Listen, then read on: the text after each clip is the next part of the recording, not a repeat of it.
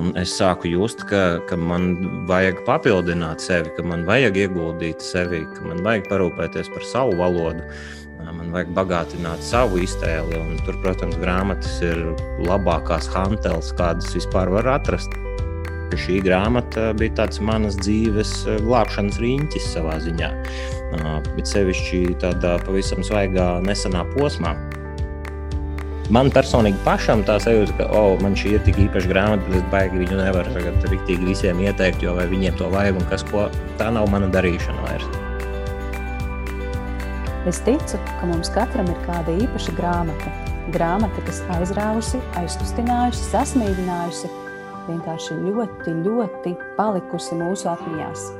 Šis ir raidieraksts piedzīvot lapuses, un tu klausies jaunāko sarunu kurā šodien piedalīsies tētis, radiobalss, improvizācijas aktieris un dzīves priekšu skolas pasniedzējs. Tas ir Kaspars Breidaks. Sveiks, Kaspar! Hello! Un es esmu arī šī raidieraksta jaunākais fans. To arī var tagad droši kabināt klāt, mani piesakot. O, oh, cik skaisti. Paldies. paldies. es to pierakstīšu arī raidieraksta aprakstā, pieteikšu.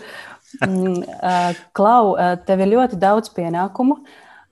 Tu ļoti daudz ko dari, bet kur tajā visā ir vieta grāmatām? Tas pirmais jautājums, kādas ir tavas attiecības ar grāmatām?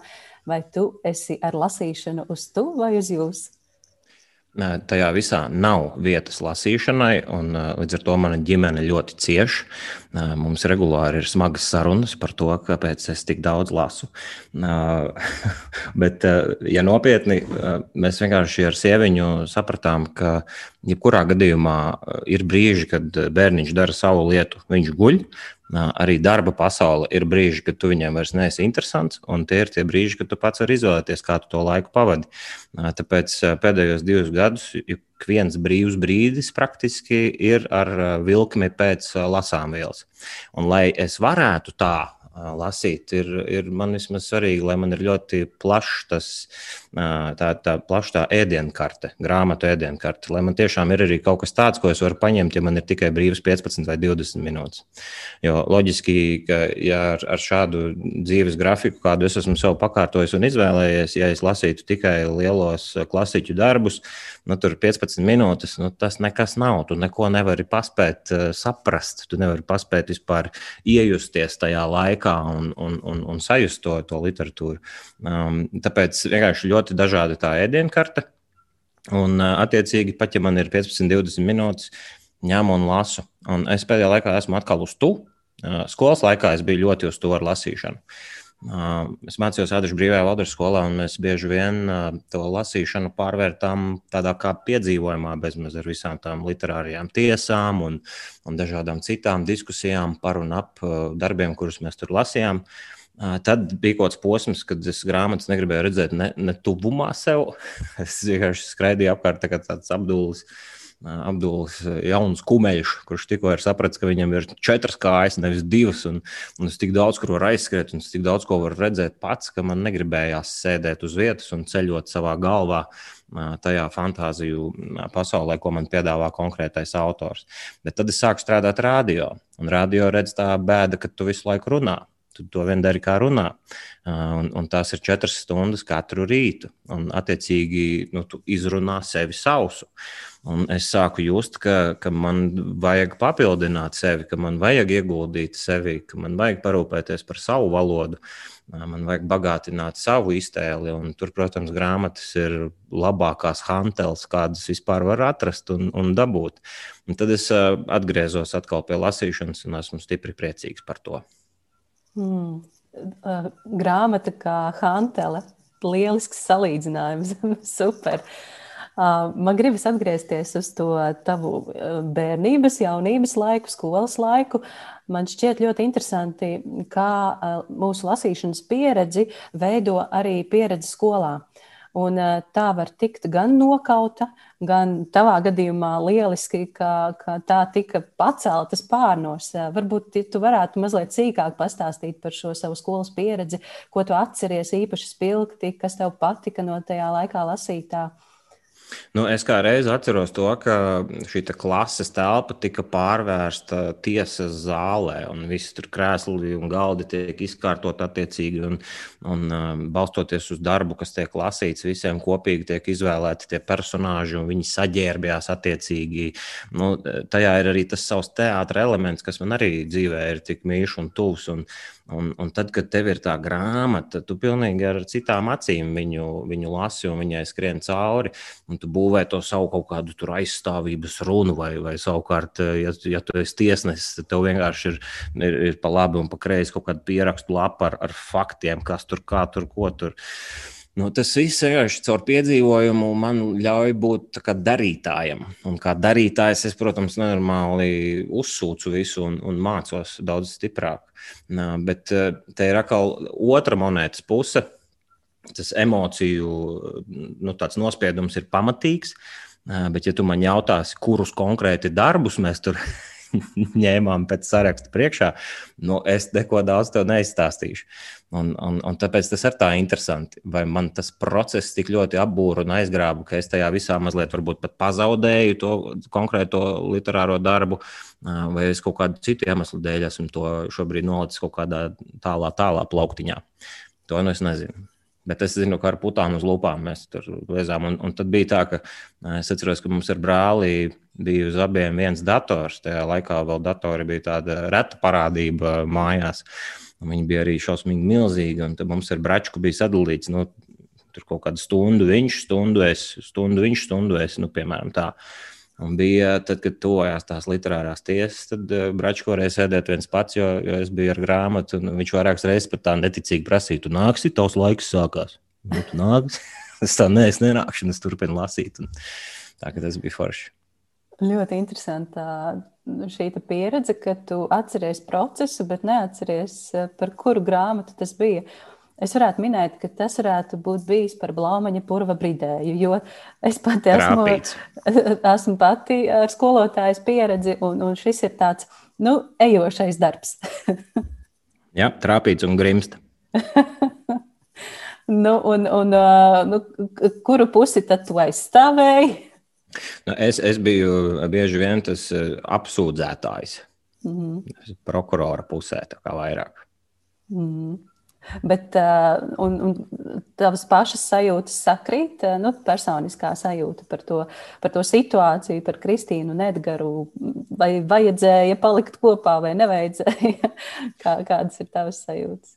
Man šķiet, tajā visā ļoti patīk tas, ka manas sajūtas jau tajā literārajā tiesā arī tika nu, izklopētas kā tāda karbonāde. Nu, tas, man liekas, ir tieši tas skaistais tajā. Tas mums iemāca to, ka tās patiesības un taisnības, viņas nu, tāds stiepjams jēdziens, tur viss ir relatīvs.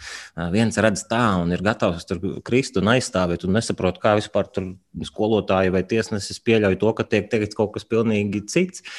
Um, tāpēc uh, man, man patika tas, ka es tur vispār nepieķēros tādai, uh, nu, pēc tam vairākām tām, tām tiesām, es nepieķēros tām savām kaut kādām patiesībām un, un, un sajūtām tik ļoti, lai teiktu, ka viņiem vajadzēja šī tā.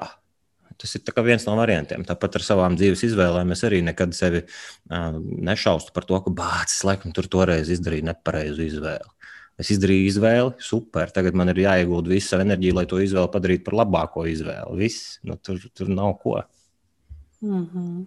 Jā, jā. Kā, kā ziedonim šķiet, bija tie, tie vārdi par daudzajām patiesībām, kurās var apjukt un, un kaut kā mēģināt saprast, kura tad ir tā mūsējā. Bet beig, beigās jau jādzīvo ar to, ar to, ko esam izvēlējušies, un, un kaut kā jāmēģina sadzīvot. Uh, Labi, kas ir šobrīd tavā ēdienkartē? tu teici, ka tev ir ļoti dažāda šī ēdienkarte. Cik dažāda? Kas tur ir? Tur ir gan klasika, gan, gan krimināla romāni, tur ir dzēja, tur ir kaut kas ar humoru saistīts. Nu, jā, es esmu visādājs. Un, ja tā iedala pa tām kategorijām, vai vismaz mēģina iedalīt, tad pie tās nu, 15 minūšu, 20 minūšu lasīšanas tādiem starpbrīžiem no dzīves.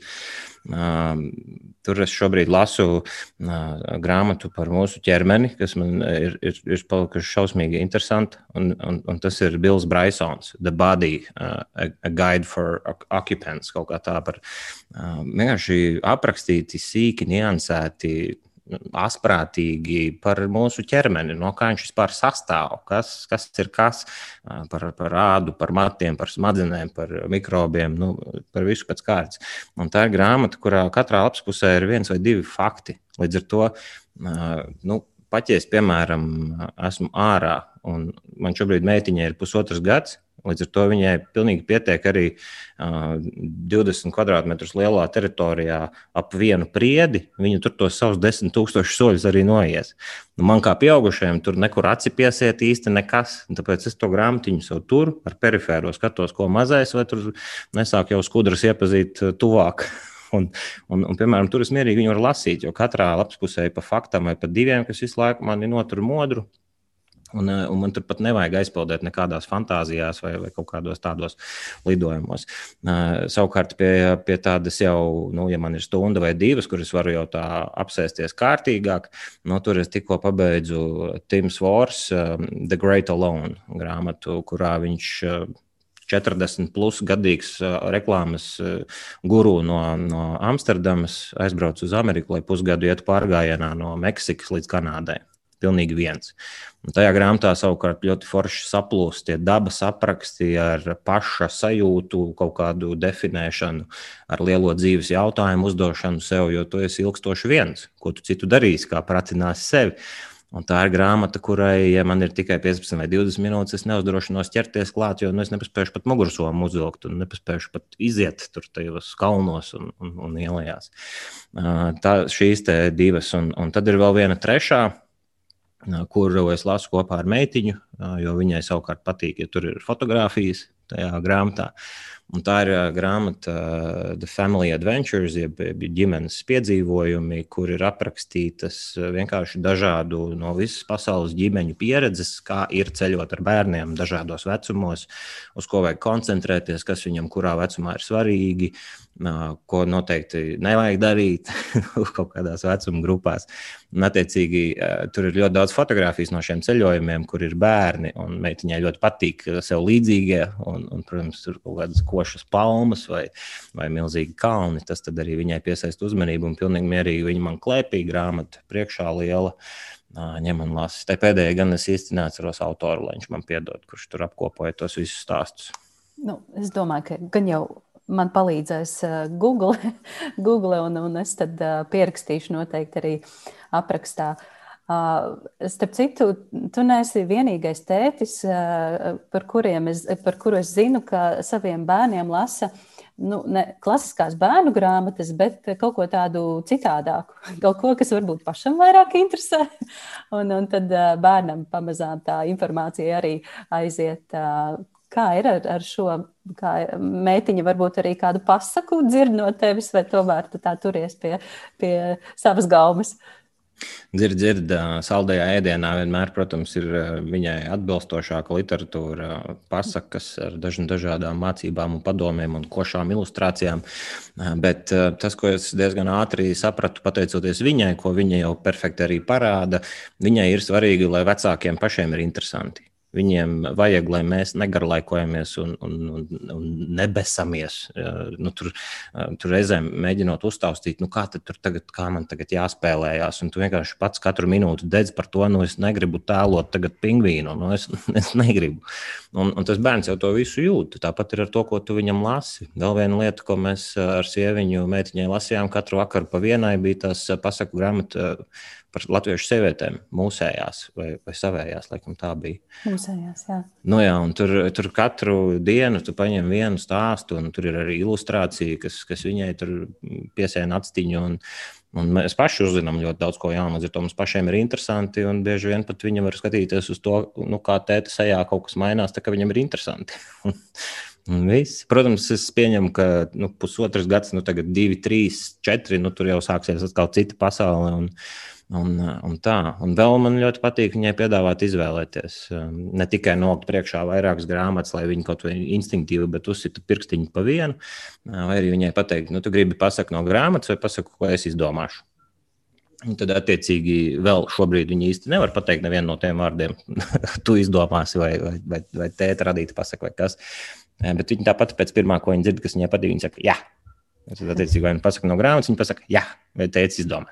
Jā. Ar cik, cik forši. Es gribu uzteikt nu, jūsu ģimenes lasīšanas tradīcijas. Es tā to gribu saukt. Jūs saprotat, ka meita ar grāmatām ir iepazinusies jau ļoti, ļoti agri.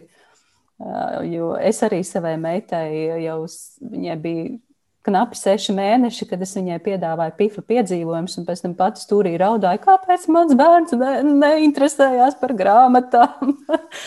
Bet jā, tā ir tā panākuma atslēga, man liekas, sākt agri. Uh, un, un lasīt priekšā jau diezgan agri. Tas ir forši. Jā, jā man ir viens piedod, ātri vēl stāstīns par to, ka es kādu brīdi īrēju dzīvokli no rakstnieces Agnes Vanagas, kur ir izdevusi arī foršas bērnu grāmatas, plasmas huligāni un, un pagalma enciklopēdiju. Un viņas tajā mājā es atradu grāmatu plauktā ļoti daudz kurta Vonegūda grāmatas, ar kurām es personīgi ļoti saslimu un lasīju vienu pēc otras. Un es lasīju cilvēks bez valsts. Un meitiņa arī daudzījās jau pa klēpi, un, un, un viņa arī gribēja kaut ko bišķi pāršķirt, un kas viņa izrāva vienu lapu, es biju vienkārši ā, tādā ļoti lielā agonijā. Man šausmīgi sāpēja man, mana, mana lapu sirds. Un es Agnesē rakstu, ka Dievs, lūdzu, piedod, es tev tur sagādāšu jaunu, un kas ko. Un viņa teica, nu, lai es vispār neraizējos, salīmē vienkārši. Un viņa man, man iepazīstināja ar tādām mazo Latviju pirmie vārdi, tādām grāmatiņām, kas ir pavisam mazajiem, nu, kur to lapu nevar saplēst. Viņi ir tādi cieti, tu vari žļambāt viņu apēst, ja tu gribi. Tā kā tad mēs arī paskatījāmies uz to, ko meitai tādu vēl taustāmu foršu var atrast grāmatnīcās. Es eh, sev pieķiksēju šo grāmatu par uh, pastaigu pārgājienu no Meksikas līdz Kanādai. Tas ir tas saucamais eh, klusā okeāna piekrastes gājiens, ja es pareizi atceros, vai ne? Jā, The Pacific Crest Trail. Un, uh, tur, nu, pēc, restīvi, to grāmatu ir tāda, kuru, ja tu lasi, nu, esi gatavs, ka tu gribēsi pats būt vairāk dabā. Viņu ir, ir šausmīgi grūti lasīt tā, ka tevi tas vispār neskar. Uh, jebkurš tas eh, dabas apraksts vai viņa tas uh, stāstītājs pēc kaut kāda 500 km, tev vienkārši kājas jau ir ārā pa durvīm no dzīvokļa, kamēr vēl pakaļ ir uz dīvāna, bet tu jau gribi kustēties tā, ka esi tam gatava.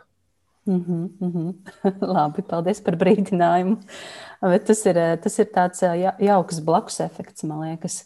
Kas ir tas, ko tu meklē grāmatās? Jo es teiktu, ka tev ir nu, tāda interesanta gauma, citādāka. Tas nav ierastais uh, grāmatu plaukts, uh, par ko nu, bieži dzirdam un runājam. Tu, kas ir tas, ko tu meklē? Jā?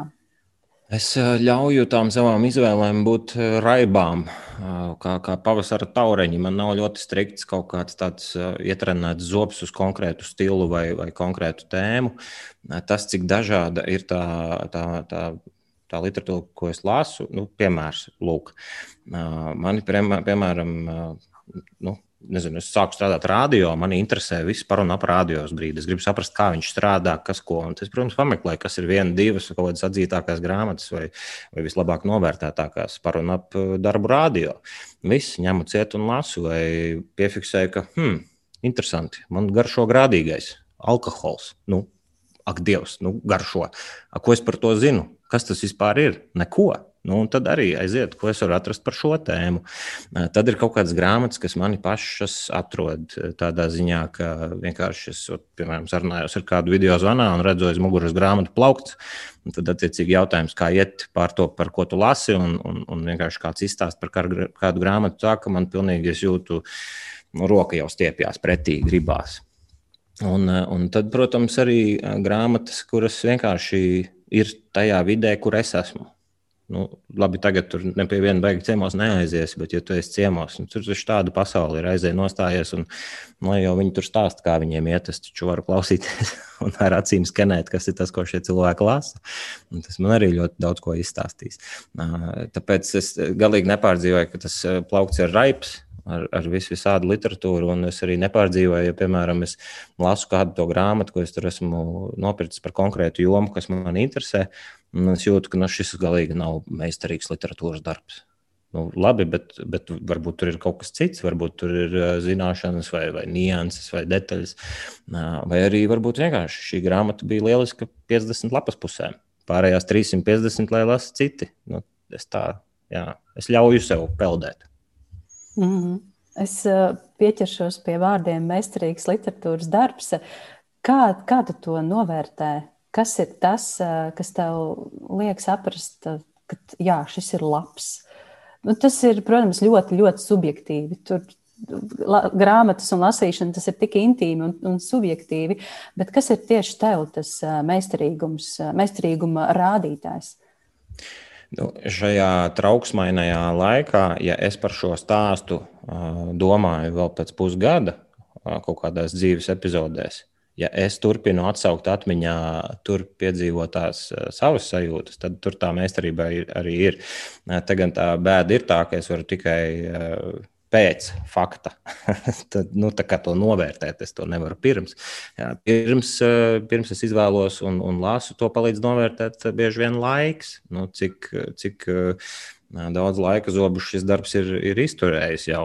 Nu, ir, ir tādas grāmatas, kas, kas ir ļoti redzamās vietās, grāmatnīcās no gada uz gadu. Un, attiecīgi, tu saproti, ah, tur kaut kas ir. Vai vēl, piemēram, es dzīvoju pa to pašu Gudrīdzu un dzīvoju Facebookā. Ir tāda Facebook grupa, izcils grāmatas, šķiet, arī, nu, kur tā buķeta ar cilvēkiem ir ļoti krāšņa. Nu, tur tu ar savu burbulīti vari pat, pat, pat, nesākt saulē mirdzēt. Tur, tur to, to, to cilvēku stāsti ir tik dažādi, un viņi tās grāmatas uztver tik dažādi. Un, un tur var viens ierakstīt, ka, ka mīlestība holēras laikos ir tā, tāds foršs našķis pie tējas, un tur āla uzradīsies tur 15 labi bruņotas dāmas un kungi, kas pateiks, tas ir meistardarbs, kā tu runā. Un, un tas ir forši, tas ir jauki. Tāpēc es arī tur piefiksēju kaut ko, nu, ja kāds ir rīktīgi garšīgi aprakstījis, uzrakstījis, un tur ir kaut kāda tā tēma vai, vai kas, kas man liek domāt, ka nu, šis tiešām ir meistarstiķis. Super. Tāpat laikā, piemēram, Alessandro Bariko, kuru lielākā daļa manu draugu nemaz nezina, man arī liekas, nu, meistars. Nu, nu, viņš ir absolūts meistars, bet es parunāju apkārt, un nu, kas man te vēl Sandu un Fredis darbā ir, ir par tādu dzirdējuši, neviens cits. Jā, man, man patika eh, raksturojums labi bruņotas dāmas, runājot par izcilo grāmatu grupu. Nu, jā, tur, tur var tur tā reizēm, kārtīgi dabūt jā, pa muguru. ar divu dabi. Noslānīs tevi. jā, bet eh, man šķiet, ka es eh, tur pamanīju tevi. Ka, ka Kaspars Breidaks interesēs par grāmatām, man šķiet, ka es tur ieraudzīju tieši tur, šajā grupā. Uh, tu biji kaut ko, kaut ko uzrakstījis, vai tas bija par Dostojevski, bet varbūt es arī kļūdos. Noziegums un sots. Jā, jā, jā nu redz, ne, nekļūdījos. Jā, tur to tu biji ierakstījis. Un, un, nu, bija labi, viss beidzās kārtīgi. man, jā, man jāatzīst, ka es esmu no tiem, kas, kas mēdz tos sociālos tīklus patērēt, varbūt mazliet sautīgi. Es tur ierakstu, izdaru, bet tas nu, nav tā, ka es nenormāli iedziļinos komentāros. Jo tas jau tā, tā ir jau cita rotaļa. Reizēm, protams, forši gribās, bet, bet pamatā nu, īsti nē. Jo ko man tikai un vienīgi tavs viedoklis, nu, ko man viņš īsti var iedot, ja es nezinu nekādu kontekstu par tevi, ka, kas tāds esi, ko tu esi piedzīvojis, ko tu dari, kas tev svarīgs, kas tev nav. Tāpēc es, es tur vienkārši atstāju kaut kādas savas pārdomas par to, un tālāk jau tas dabīgais fermentācijas process tur, tur notiek. Mm -hmm. nu, labi, tad parunājam par to vienu īpašo grāmatu. Vai vispār tev dzīvē ir tāda viena īpaša grāmata, kas tiešām ir palikusi atmiņā, vai kā īpaši aizkustinājusi, vai varbūt tā ir tā, ar kuru tu salīdzini visas pārējās lasītās? Man ir tiešām tāda viena grāmata, jā, un, un viņa galīgi nav tāda, ar kuru es salīdzinātu citas, tāpēc ka es viņā neesmu ne meklējis, ne atradis to literāro meistarību vai, vai kaut kādu tādu veidu baudījumu un segumu, cik vienkārši šī grāmata bija tāds manas dzīves glābšanas riņķis savā ziņā it sevišķi tādā pavisam svaigā, nesenā posmā. Un tā ir Maikla Ņūtona grāmata Dvēseli ceļojums. Un, un, un es varu izstāstīt, kā es pie tās grāmatas nonācu, jo tas bija brīdis, kad pasaulē nāca mana meitiņa. Tas ir nu, sanāk, pusotrs gads jau. Un, un mēnesi pirms piedzima meitiņa, man teica, nomira.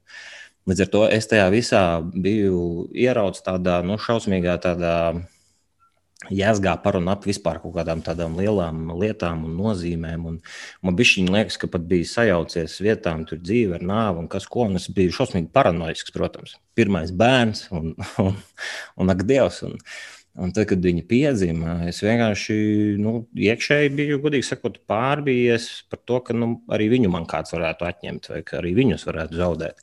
Un es tur pirmās naktis, līdzīgi kā daži citi, tur vienkārši baidos aizmigt un, un gribu viņu visu laiku vērot, vai tur krūtis cilājās un, un, un, un gaisa apmaiņa notiek. Un, Un šīs bailes, šī paranoja izauga līdz tam, ka es tur biju gatavs jau par 180 eiro pasūtīt eh, paladziņu, kas, kas mēra pulsu, un man vajadzības gadījumā uz telefonu sūtīs nes, nes kādas ziņas.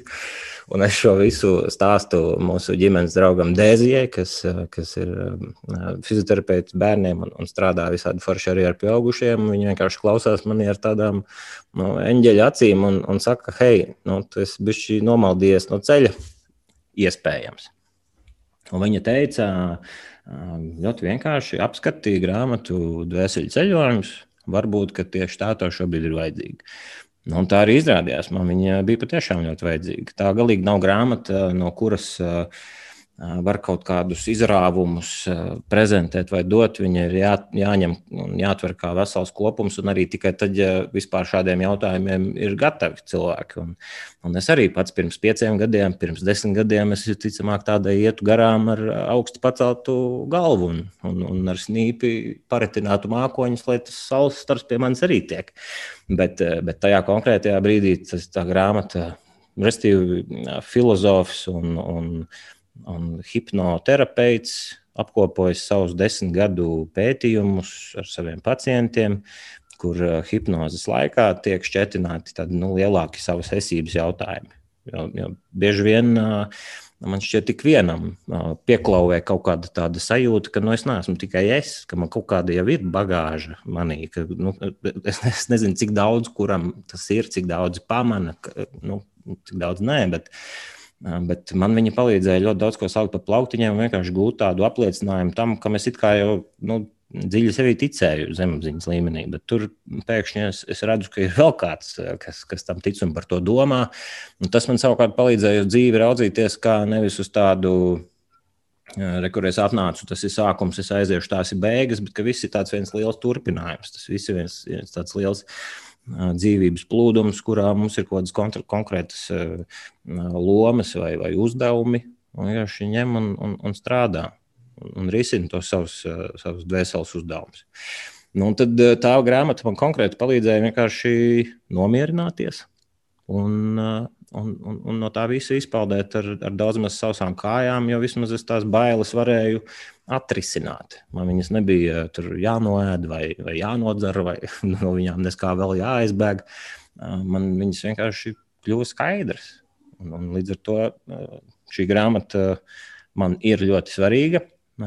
Es mazliet baidos pie viņas atgriezties. Es pat zinu, ka viņam ir vēl visādi turpinājumi. Jo šī pati laikam iznāca 96. gadā, vai kaut kad stipri sanāk. Man liekas, 96. gadā bija pirmais blēziens lai man piedod par šo valodu. Bet ir tur jau 2003. vēl kaut kāda turpinājuma, kaut kas, bet es šobrīd vispār nejūtu vēlmi tajā, nu, atkal brist iekšā. Es ticu, ka tam būs laiks, un tad, kad tam būs laiks, to es arī zināšu. Mm -hmm. Jā, tavs stāsts ir stāsts par to, ka katrai grāmatai ir tiešām savs laiks, savs brīdis, kad to lasīt. Bet šķiet interesanti tā sajūta, ka tu to, šo konkrēto grāmatu sāki lasīt. Un uh, tu pats minēji, ka pirms gadiem, pieciem, tu varbūt skept, nu, ļoti, būtu pagājis garām viņai ar augstu paceltu galvu. Kā tu tiki tam pāri, vai vispār tam bija jātiek pāri šī, šai skepsei, šai kaut kādai varbūt augstprātībai pret konkrēto tēmu un grāmatu? Nu, īsti jau tāda baigā barjera jau vairs nebija. Jo es kā ar vienu, ar vienu pusi sevis jau apzinājos, ka nu, pirkt kaut kādus paladziņus, nu, kas tālāk, nu, respektīvi, paladziņš, kas mēra pulsu, nu, tas būs uz brīdi aktuāli. Nu, un tad, ko es pilnīgi visas trepas viņai ar matračiem pa kājām tur izlīmēšu. Nu, nu, ne es viņu visur noķeršu, ne es viņu no visa pasargāšu, un, un, un sāpes un ciešana ir, ir ikviena cilvēka dzīves sastāvdaļa, un, un viss līdz ar to es apzinājos un zināju, ka tas nav risinājums, ka tas risinājums ir cits. Un risinājums parasti ir rīktīgi iedziļināties eh, tajā, kas tev pašu varbūt biedē. Izprast un saprast. Man liekas, tāpēc arī nebija tāda tā skepse. Es biju diezgan atvērts eh, jebkāda veida uh, lietai, kas var risināt šo vai strādāt ar šo. Mm. Nu jā, mēs kā runājam par grāmatu, bet patiesībā tas ir stāsts eh, ļoti personisks par tevi, vai ne? par to, kā tu audz, eh, joprojām droši vien audz par tēti, par cilvēku, kas ir atbildīgs par to mazo cilvēku, bet tajā pašā laikā nu, paliek uh, Kaspars. nu, jā. Bet tas ir tik šausmīgi sarežģīti. Nu, vismaz sākumā. Pēc tam jau es, es arī esmu paskatījies apkārt un papļāpājis un novērojis. Un liela daļa jau atzīst, nu, ka ar pirmo bērnu diezgan loģiski, ka tu esi bijis tāds pārustraucies un, Un, eh, un ar otro, trešo, nu, uz trešā bērna dzemdībām daži labi mamma nemaz nebrauc pati vairāk. tā, tā, tāda man ir sajūta. Ko tu izbeidzi? Viss kārtībā. Nu, tur, tur viņi tur kāpelē pa trepēm. Pirmajam tur abi divi, katrs no savas puses. Tur vienam tur ap roku ar skoču apbindēts spilvens. Tur jau kaut kāds tur eh, dezinfekcijas līdzeklis rokā jānu nobrāžās. Trešais, kur viņš ir uz trepēm? Jūs te? Jā, jā, jā. Tas viss ir kā norūda, un, un tev ir skaidrs, bet iespējams, ka tāds pats rūdījums ir vajadzīgs tā mūsu domām, tā, tā, tā mūsu galvai. Un, un to rūdījumu var palīdzēt arī šādas grāmatas sniegt. Mm. Jā, nu, protams, tas, tas, ko tu stāsti par, par pirmo bērnu un vecāku sajūtām, ir ļoti, ļoti precīzi. Un, protams, ka es tam, tam visam piekrītu un, un zinu šīs sajūtas ļoti labi. Bet pat šī grāmata, Kas tev ir palicis prātā? Varbūt eh, tu teici, ka to ir grūti citēt un uh, grūti varbūt izstāstīt, uh, kas tur īsti ir un par ko tur īsti ir.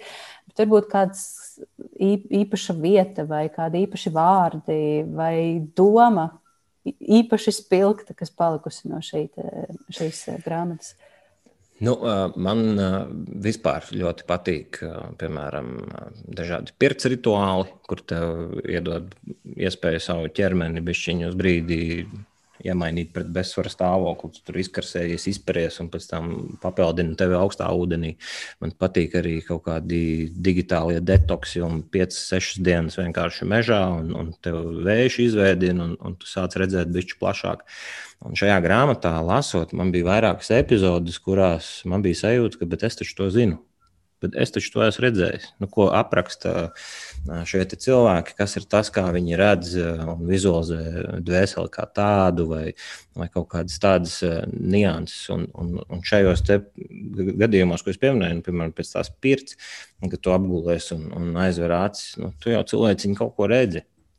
Bet tu īsti līdz galam nesaproti, kas tas ir, ko tu redzi. Uh, Tad, kad tu esi bijis piebremzējis savus dzīves tempus un, un, un atļāvis savam prātam nesūtīt tev 70 notifikācijas, katrs tur 30 minūtes ar visādām domiņām par to, cik forši būtu virtuvē, tur ielikt labāku apgaismojumu, lai tur omulīgāk gatavot, vai varbūt vajadzētu bišķi darbā padomāt par jaunām kaut kādām spēlēm un konkursiem. Tad, kad tu atļauj savam prātam to visu nedarīt, jo es tagad esmu mierā, lēns Varbūt es uzdošu jautājumu vienkārši kokam un pastīšos, kā viņš man atbildēs tur divu, trīs stundu laikā ar, ar, ar kaut kādu vēju palīdzību.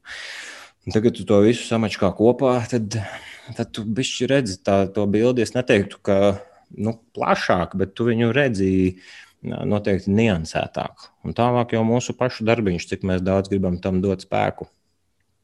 Man tā tēma vispār ļoti interesanta liekas, jo ir daudzas epizodes dzīvē bijušas, kur man nemazākās nojausmas nav, kā tieši es nonācu pie tā, pie kā es nonācu, kā es pateicu to, ko es pateicu. Improvizācijā pilnīgi viss uz to ir balstīts. Nu, tu nemēģini neko diži pārdomāt un izdomāt. Tu esi šeit un tagad tu klausies, tu iedziļinies, tu pievērs uzmanību vismākākajām niansēm, un tur apkārt viss kaut kas ir. Tev nekas nav jāizdomā. Tev viss jau ir. Bet kas tad ir tas viss? Un, un, un tie jautājumi ir tādi lieli jautājumi, nu, kur tad mm. attiecīgi šādas grāmatas palīdz vismaz kā tādi virziena rādītāji, jo tu nejūties dikti viens tajā. Jo jāatzīstās, nu tā par, par dvēseles lietām parunāt, nav man stipri daudz draugu, ar kuriem es tā, nu, varu to izdarīt. Nu, tur uzreiz Jā. domā, ka es jokoju vai kas tev. Mm -hmm. Mm -hmm, jā, es tieši gribēju jautāt, uh, droši vien, ka nav daudz cilvēku, kam šo grāmatu ieteikt nodot tālāk šīs zināšanas, ar kuru pārunāt. Un tas ir tā, kā tu jūties par to. Tā ir tāda nedaudz vientulības sajūta. Ka, jo man šķiet, ka nu, dalīšanās ar to grāmatas prieku, ar to savu saviņojumu, pateikt kādam, šī grāmata mainīja manu dzīvi, es tev arī to tagad dodu tālāk. Tas ir tas pats skaistākais. Bet ar šo grāmatu man liekas, jā, tā diezgan nu, uzmanīgam tas... jābūt. Tā kā dalīties ar savu potēšanas pasi. Nu, tas ir tavs stāsts, tas ir tev. Tāpēc jau ir ļoti svarīgs tas konteksts, konteksts, tas, kā tu uzdevi šo jautājumu. Kas ir tā grāmata, kas ir mainījusi man dzīvi vai man ļoti svarīga. Un, tāpēc nevajadzētu šobrīd uh, paņemt, piemēram, virsrakstu. Bēdeks saka, ka šī ir labākā grāmata, un tagad tur uh, nezinu, kāds, kurš tikko ir, uh, ir, ir beidzis darbu un tādām bišķiņu nošmulētām mēģinām rokām ies uz to grāmatnīcu, vēl cīga zobos. Kur tas jokdarbs teica, ka šī baigi laba grāmata? Nu, viņš atš, atšķiras, viņš tur vienkārši gribēs aiziet jūrā ar visu to grāmatu un, un būs vienkārši vīlies dzīvē.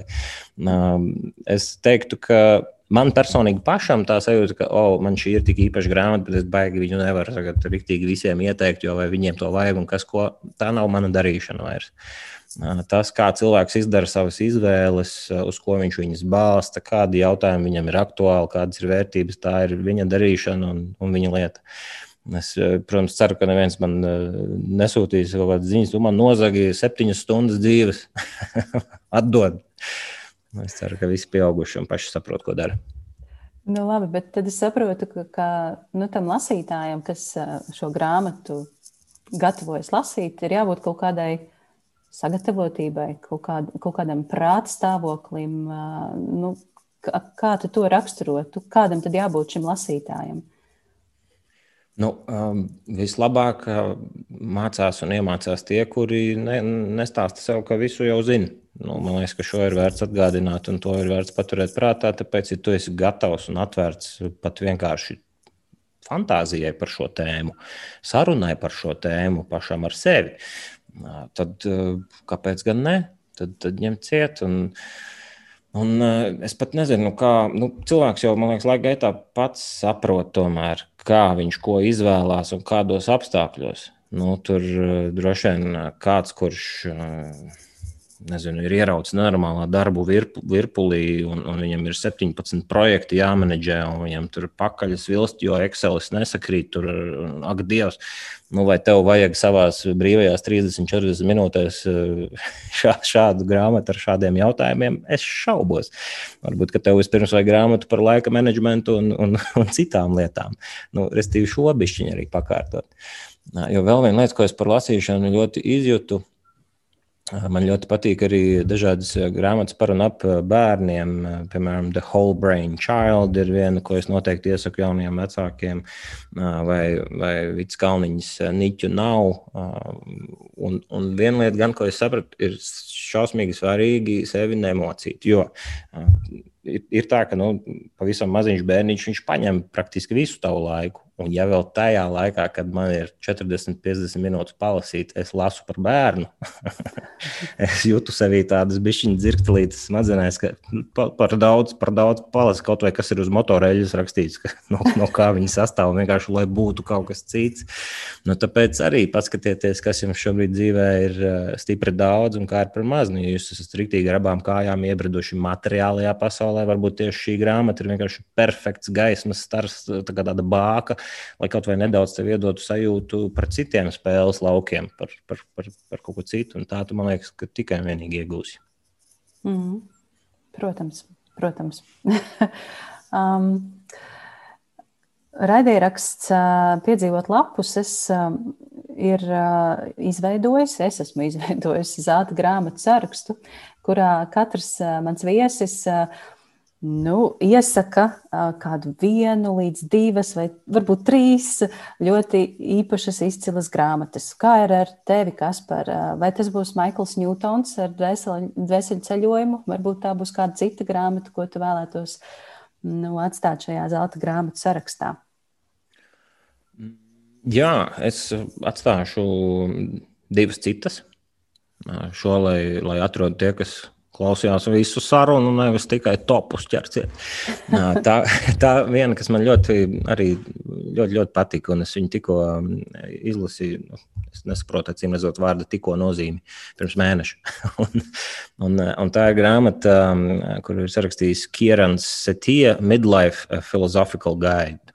Tas ir pusmūžs un, un tāds filozofisks ceļvedis. Viņš ir atzīts filozofijas pasniedzējs kur tiek filozofēts par to pusmūža konceptu kā tādu. Apskatīti darbi, kuros pirmo reizi vispār tāds parādās, e, tā, tāds pusmūžs kā tāds, un kā, kāda ir tā attieksme par un ap to, un dažādi jautājumi izvirzīti, kur tādiem prātiem, kuriem patīk prātuļot un, un apdomāt, apsvērt, diskutēt par izlasīto. Šī grāmata, manuprāt, ļoti labi iespies sirds. Un, un otra grāmata savukārt ir tepat mūsu pašu platuma grādos bestselleris pēdējā laikā šķiet, un, un Plūks Laurus ir ir kalendārs, man sauc Andris Kalnozols. Nu, tik ļoti sirsnīgu, asprātīgu un empātiju rosinošu darbu. Man prieks, ka mēs visi saņēmām. Mēs visi jau, man liekas, sen bijām pelnījuši kaut ko, kas mums palīdz saprast, ka nav tikai viss par un ap mums, un nav tikai manas taisnības un patiesības, un, un par to, cik dažādi mēs ūdeņi kā tādi esam. Tā, šīs divas, ja drīkst, Ja tikai viena, tad izvēlies tu. Kalendārs man sauc, jau ir zelta grāmatu sarakstā. Oh, nu. Jā, jo, protams, tā, ir ļoti īpaša grāmata. Tieši tā kā tu saki, pēdējo mēnešu hits, visi to lasa un, un, un iesaka tālāk. Un es piekrītu tam, ko tu teici, ka tā tiešām tā tiešām ir dāvana šī grāmata. Tieši, tieši šobrīd mēs to esam pelnījuši. Un latviešu literatūrā jo īpaši mazliet paiet nos no, tā, no tās drūmās pagātnes, vēstures griežiem un paskatīties kaut kā citādāk uz pasauli mums apkārt. Kā, jā, brīnišķīgi, ka tev arī šī grāmata ir patikusi un palikusi prātā. Nu, ko, Kaspar, mēs esam parunājuši.